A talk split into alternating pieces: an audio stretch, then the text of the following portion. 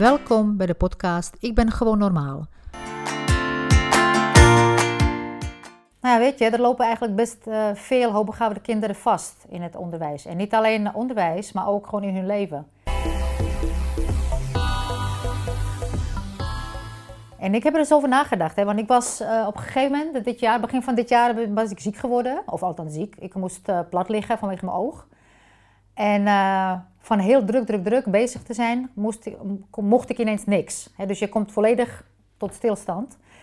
En het was heel even wennen, want ik moest alles laten vallen, alle afspraken afzeggen. Maar dat heeft me heel veel gebracht, want door die stilte en rust kon ik uh, eigenlijk de afgelopen activiteiten van het afgelopen jaar, de bezigheden, kon ik soort evalueren, kon ik ze voor me zien. Hè? En ik zag ook al die kinderen, al die mensen die bij me komen en welke vragen ze hebben en waar ze mee worstelen. En daar ontdekte ik bepaalde patronen in. Want dat heb je wel eens als je rust neemt, dat je dan patronen ziet. En wat ik zag is dat ze eigenlijk allemaal met hetzelfde te maken hebben.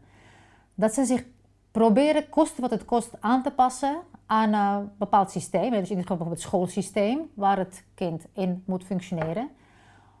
Uh, waar ze eigenlijk niet inpassen, wat helemaal ten koste gaat van zichzelf. dus je moet je voorstellen, zo'n kindje, vierjarig, vier jaar beginnen ze op school. Hè. Vier jaar komt op school vol verwachting, onbevangen, open-minded, uh, wil dingen doen, wil nieuwe dingen leren. Uh, maar dat kind kan bijvoorbeeld al lezen. Of het kind is thuis geïnteresseerd in uh, dino's, het heelal, bouwen van ingewikkelde Lego-constructies, die bijvoorbeeld bedoeld zijn voor 10-jarigen, 14-jarigen. En dan gaat het in de klas en dan krijgt het een of andere puzzeltje met 15 stuks, als je zo hebt. Of het krijgt een, een of andere kleurplaatje waar je binnen de lijntjes moet tekenen. En als je daar even overheen gaat, dan is er iets niet goed met je motoriek. Of het moet eh, bouwen aan een bouwplaatje, bestaande uit misschien 10 tot 15 stukjes. Dus, die kinderen uh, weten eigenlijk niet wat ze overkomt. Maar van nature wil zo'n kind het goed doen. Hè. Je, wil ergens bij horen, je wil het goed doen, je wil compliment krijgen, je wil uh, onderdeel zijn van een groep. Dus wat ga je doen? Je gaat observeren, want daar ben je ook goed in. Je bent empathisch en sociaal.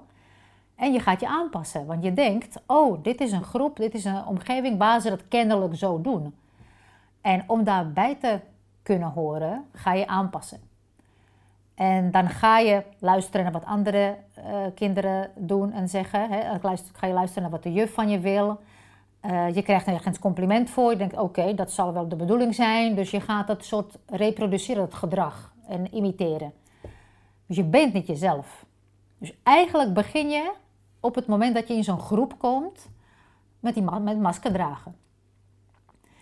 En wat je dan meemaakt gedurende de schooltijd, gedurende de jaren, of misschien de eerste drie maanden al, is dat je door die aanpassing jezelf gaat verliezen. En je durft jezelf niet te zijn, terwijl je dat wel van binnen bent. En dat is waar je, waar het, waar je, waar je het voelt, dat het, het gaat wringen. Dus je gaat je soms echt letterlijk ziek voelen en misselijk voelen door die mate van aanpassing. Omdat dat, dat volledig tegen je, je eigen zijn ingaat. En een van de belangrijkste uh, behoeftes van hoogbegaafde mensen is autonomie. En dus je hebt echt uh, extreem behoefte aan autonomie. En uh, daarmee bedoel ik niet dat, ze een beetje, dat je een beetje gaat bepalen wie wat doet en, en wat. Maar dat je zelf vanuit jezelf kan leren en ontdekken en niet per se bepalen, maar eigenlijk eerder voelen wat, uh, wat, uh, ja, wat bij je past, wat goed voor je is en wat je, waar je op dat moment aan toe bent. Dus als je voelt dat iets niet klopt of dat je juist wel iets klopt, dat je iets wil, maar door de omgeving mag dat niet, uh, dan word je beperkt in dat gevoel en in die drang naar autonomie. Dat is wat je ziek maakt. En dat is waardoor je eigenlijk in een soort keurslijf komt te zitten, in, in, in een kooi eigenlijk.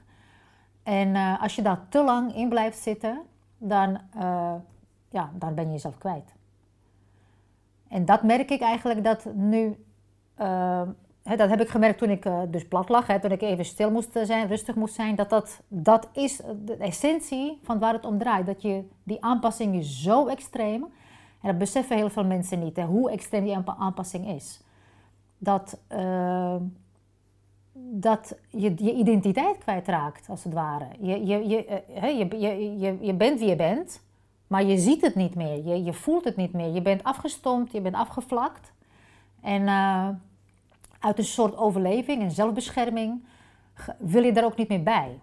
Want als je bij het gevoel gaat komen en je weet niet hoe je dat kunt, kan implementeren, dus hoe je daar daarmee om kan gaan, hoe je daar balans in krijgt tussen dat jezelf zijn en in een groep zijn, dan kan je, dan, dan, dat is gewoon een heel naar gevoel. Omdat je dan eenzaam kan gaan voelen en, en uh, nou, helemaal buiten de maatschappij gezet. Dus wat ik eigenlijk uh, uh, wil, ook in mijn werk en begeleiding van kinderen en ouders vooral ook, is dat ik hen ga helpen weer helemaal zichzelf te worden. Dus bij al die lagen afpellen, al die lagen van conditionering afpellen, ontdekken wie ze werkelijk zijn en vanuit hun kern te gaan leren leven. En op die manier kun je balans vinden uh, om je te gaan verhouden tot, uh, tot, de omge tot je omgeving. Dan uh, raak je jezelf nooit kwijt, want je weet wie je bent, je, hebt, je kunt die conditionering dus doorzien, je weet hoe dat werkt en wat nodig is. En daar kun je voor kiezen.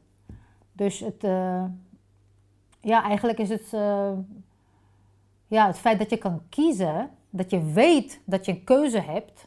En dat je dus bij je autonoom, dat is dus die autonomie waardoor het versterkt wordt. De, uh, dat je keuze hebt, dat maakt dat je weerbaarder wordt.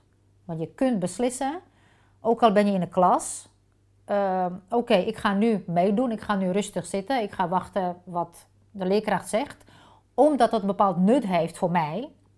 Namelijk, het kan een sociaal nut hebben. Oké, dan ben ik even niet vervelend of dan ben ik even rustig. Het kan nut hebben dat ik, uh, dat ik daar later iets anders mee kan doen. Hè. Dus als je, als, als je weet, oké, waar doe ik het voor? Natuurlijk voor jezelf altijd, maar hè, als je weet wat, wat het nut daarvan is, dan kun je dat uh, ja, verdragen. Dan is het ook niet echt conditionering, want je kiest ervoor om, om daar te zijn of om, om dit te doen of zus te doen.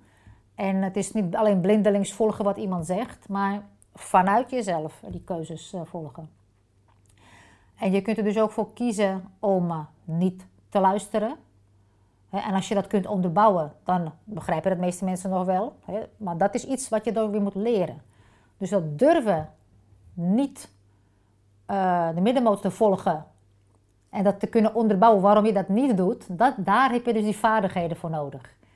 En het besef dat het überhaupt mogelijk is dat je nee kan zeggen, dat is wat je eigenlijk moet leren van je ouders. En ik merk uh, ook dat uh, ja, best veel ouders dat ook zelf niet durven. En ze, ze denken dat uh, eigen mening zeggen, ze, zijn eigenlijk te bescheiden. Daar, hè, ja, te bescheiden, te voorzichtig, angstig misschien. Ze durven niet voor hun mening op te komen. En hun kind kopieert dat, dat gedrag, want dat je leert het hè, van je ouders. En op die manier durft dat kind ook niet uh, dat, uh, te zeggen wat het vindt en wat het denkt. En, nou ja, en dan hou je bepaald gedrag, bepaalde manier van zijn in stand. Maar als de ouders of als de ouder dat inziet, zijn eigen conditionering inziet en zijn eigen manier van leven, en dat, dat je niet zozeer vanuit jezelf leeft, maar vanuit de verwachtingen van anderen, uh, dan kun je dat doorbreken. Dan kun je dus die lagen afpellen van die conditionering. En dan kun je tot jezelf komen. En dat ook aan je kind uh, te leren. En uh, ik besef wel dat dat best angstig kan zijn. Hè, best, en pijnlijk soms misschien. Want je kunt erachter komen. Ja, dat, dat zie ik ook vaak bij ouders die bij mij komen. Dat ze door hun kind erachter komen dat ze zelf hoogbegaafd zijn. En, dat, hoe, en dan gaan ze kijken hoe hun jeugd is verlopen. En wat ze allemaal hadden kunnen doen of hadden moeten doen en niet hebben gedaan. Hè. En, uh, maar goed, daar eigenlijk, ja, het is wel prima om daar even over na te denken. Hè, om daar even bij stil te staan, maar niet in te blijven hangen weer. Ervan te leren en dan verder gaan. Dus hoe kun je eigenlijk daarmee omgaan als ouder? Uh, en daar kan ik uh, je bij helpen natuurlijk. En hoe kun je dat dan weer vertalen naar het leven van je kind? Zodat het kind eigenlijk niet afhankelijk wordt van wat andere mensen aandragen, maar dat het zelf uh, verantwoordelijk wordt voor zijn eigen leven en zijn eigen leren en zijn eigen proces en, en alles. Hè. Dat, uh, Want uh, die afhankelijkheid waarvan je denkt dat dat hoort, dat normaal is, dat is ook wat je zo heel kwetsbaar maakt. Je gebruikt daardoor dus ook niet je eigen potentieel, je eigen denken, je eigen intellect, creativiteit. Dat gebruik je ook niet, want dat durf je niet. Uh, want je bent ge gewend in een bepaald hokje te denken. Weet je, en ik word altijd zo treurig van als, je, als ik op school kom, in zo'n kleuterklas of, of groep 3, dan zie je al, aan de muren zie je al die tekeningen hangen. Ze lijken allemaal op elkaar. Ze hebben allemaal een herfstthema of een winterthema. Maar het is allemaal hetzelfde. Hoe kun je daar nou onafhankelijke denker van worden? Hoe kun je zelfstandig iets leren produceren? Hoe kun je eigenlijk überhaupt leren te zijn wie je bent? Als je niet kan creëren en laten zien wie je bent. Aan de hand van tekening bijvoorbeeld. En dat is dus waar, je ook, waar, waar de faalangst uh, vaak door ontstaat. dat als je niet aan de verwachting voldoet, als je niet reproduceert zoals, uh, zoals de rest dat doet, als je iets anders doet, dan ben je bang dat dat niet goed, goed genoeg is. Dat jij zelf niet goed genoeg bent. En dat niet goed genoeg zijn lijkt echt uh, dat heel veel kinderen en volwassenen daarmee te maken hebben. En ja, dat is uh, gewoon ja, eigenlijk heel triest om te zien. Maar aan de andere kant, als je dan wel dat zelf inziet en open staat voor nieuwe ideeën en nieuwe meningen, dan, uh, kan het je best helpen om verder te komen. En uh, op een gegeven moment had ik er dus hier al over nagedacht en ik had allerlei programma's daarop aangepast. Ik heb nu ook meer events waar ik, mensen, waar ik met mensen daarover praat. En ik heb uh, dat movement Hoogbegaafde Rebel in wording uh, bedacht. En dat is eigenlijk uh, ontstaan doordat vanuit klanten en reacties op Facebook bijvoorbeeld, of reacties van, op mijn boeken of artikelen, merk ik dat er behoefte is aan contact met gelijkgestemden, met ontwikkelingsgelijken. En met dat movement wil ik juist mensen bij elkaar brengen. Nou ja, om te brainstormen, om te kletsen, om te praten, om gezellig aan de tafel te zitten. Uh, om ideeën uit te wisselen. En op die manier elkaar versterken. En misschien ook nieuwe ideeën ontwikkelen. En samen dingen te gaan doen. Als volwassenen en ook voor de kinderen, als het, hè, als het zo uitkomt. Dus het is eigenlijk een soort, inderdaad net als dit, een soort koffietafelgesprekken moeten dat gaan worden. Waarbij je of in een groep of in kleine groepjes of, of in contacten die je één op één met mensen gaat krijgen uh, ja, gewoon in contact komt met gelijkgestemden. Ja, want je moet je voorstellen dat die uitzonderlijk begaafde mensen waar ik me op uh, richt, en dat is niet eens 2,5% wat ze zeggen van hoogbegaafden, dat is misschien een halve procent. En dat groep, die, die groep van 160 plus IQ, dat is misschien 0,05%. Dus het is een hele kleine groep mensen. En ik heb ergens gelezen dat je in je gewone leven, dat de gewone mensenleven, je iets als 100, nee wacht even, uh, hoe was het? 25.000 of 26.000 nieuwe mensen kom je tegen in je leven, gewoon dagelijks leven. In je hele leven. Maar de kans dat je ontwikkelingsgelijke tegenkomt als je 160 IQ hebt, is 1 op 37.000. Dus je kunt je voorstellen dat het echt een toevalstreffer is als je zo iemand uh, ontmoet. Maar goed, om daarop te wachten, dat is natuurlijk helemaal niet uh, de bedoeling. Dat, moet je ook niet uh, willen. Maar wat, wat je wel kan doen, helemaal jezelf worden. Hè? Want als je dan jezelf bent, ontmoet, trek je ook mensen aan die bij jou passen, die jezelf zijn. Dus je soort zoekt soort eigenlijk in dit geval. Dus als je, je ziet het op, ik vergelijk het vaak met kinderen, moet je kijken naar de savanne in Afrika. Ik kom graag in Zuidelijk Afrika, dan heb je savannes. Eh, Serengeti of andere parken of andere gebieden. Waar je, je, ziet het zo voor je, giraffes, uh, zebra's, olifanten, vredig naast elkaar. en uh, die giraffe die wil ook niet zebra zijn. Een zebra wil ook niet olifant zijn. Dus als je gewoon bent wie je bent, ga je andere zebra's aantrekken. Of ga je andere olifanten aantrekken. Dat ga je zo bij elkaar op een natuurlijke manier, vind je wel je gelijkgestemden. En natuurlijk moeten kleine kinderen daarbij wel geholpen worden. Hè? Dat ze, uh, uh, omdat ze nog niet zoveel mensen ontmoeten en altijd ouders nodig hebben hè, voor uh, ergens te reizen. Maar als je volwassen bent en je bent jezelf en je weet wie je bent, dan trek je echt gelijkgestemden aan. En dat kan ik je wel uit ervaring vertellen. Dus dat, dat is, en dat is heel mooi, want dan heb je misschien niet een vriendengroep met 30 mensen, dan heb je er misschien drie of vier, maar dat zijn dan echt mensen die bij je passen. Weet je, waar, waar je waardevolle connecties mee kan hebben, waardevolle gesprekken, mooie verbindingen mee hebt. En dat gun ik ook zo uh, andere hoogbegaafde of uitzonderbegaafde mensen, die dan zo zichzelf zijn, uh, zo durven zichzelf te zijn, dat ze ja, hun soort leren kennen. Je kunt trouwens natuurlijk als olifant een vriendschap sluiten met een giraf of zebra. Dat kan. Hè? Want dat eh, zeg ik tegen kinderen ook wel eens. Je, hoeft niet, je hebt niet één hartsvriend of zo. Dat, dat, dat kan niet. Dat hoeft niet. Maar je kunt voor verschillende activiteiten verschillende soorten vrienden hebben. Je hebt één vriendje misschien om mee te gaan voetballen. Je hebt één vriendje om mee te gaan gamen.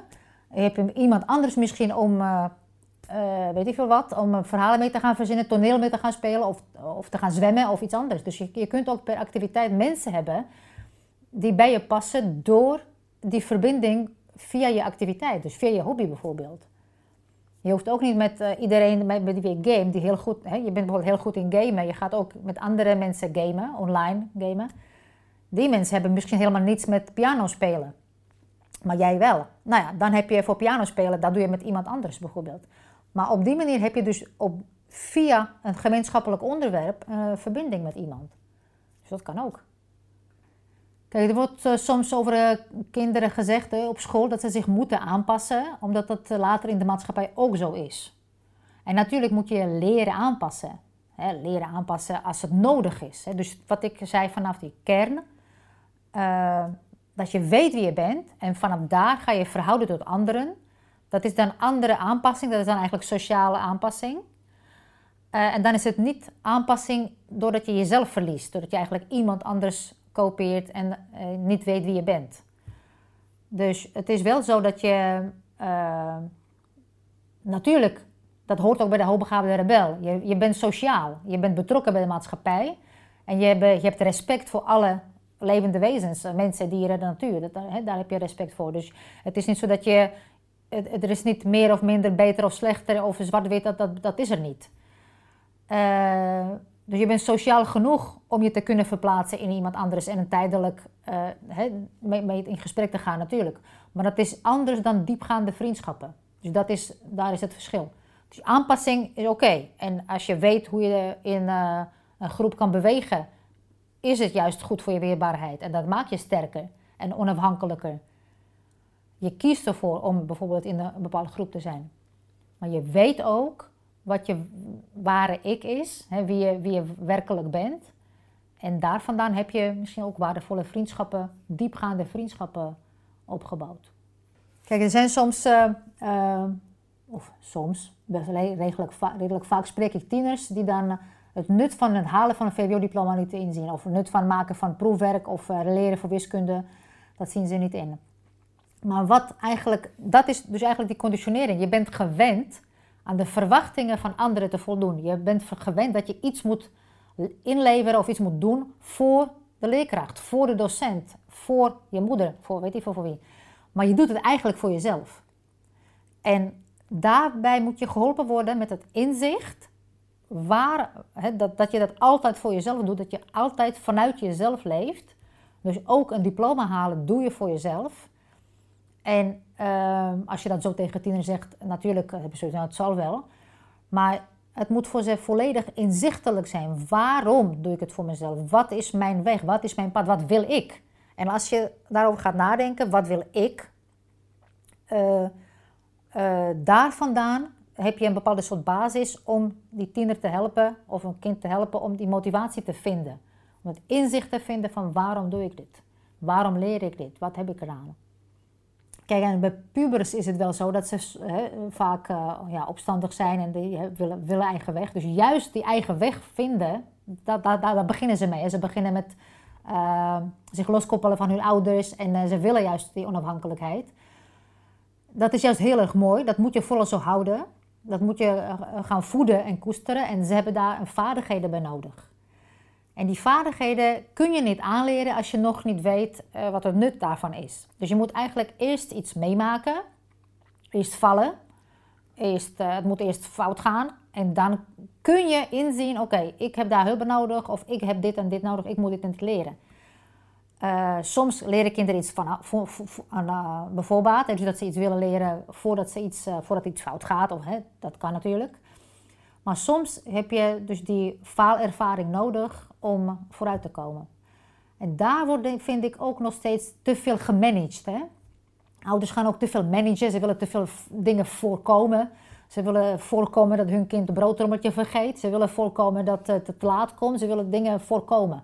En door dat managen of overmanagen, heeft het kind eigenlijk geen kans om op een natuurlijke manier fouten te maken, dingen te vergeten, dingen te leren.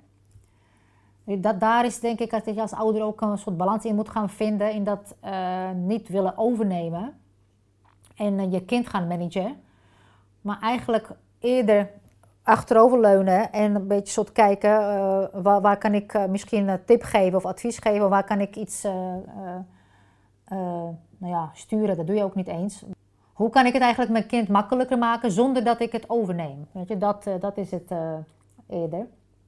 Want die autonomie van hoogbegaafde kinderen eh, is heel, heel erg belangrijk.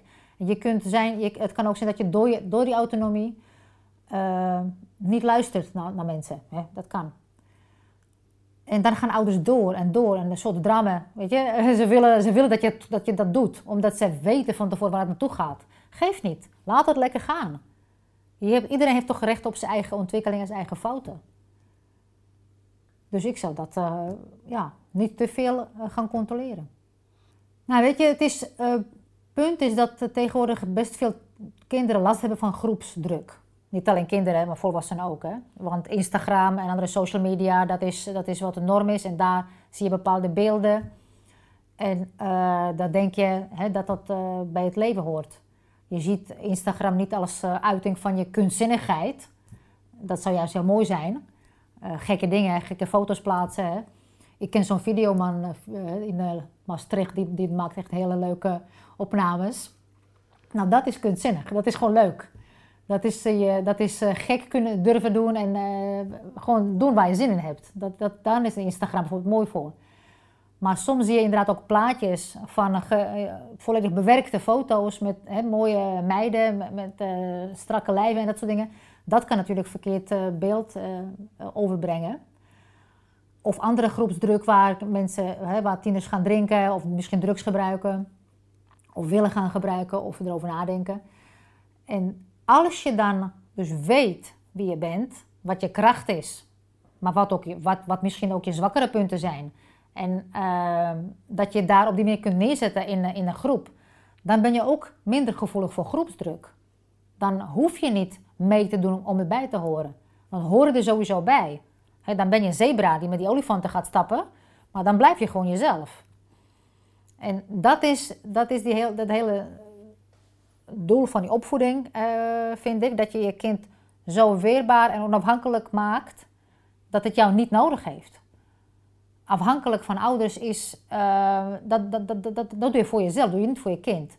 Je kind onafhankelijk en zelfsturen en zelfredzaam maken, dat is, dan doe je dat echt voor het kind. Dan blijft het uh, krachtig uh, zoals het is.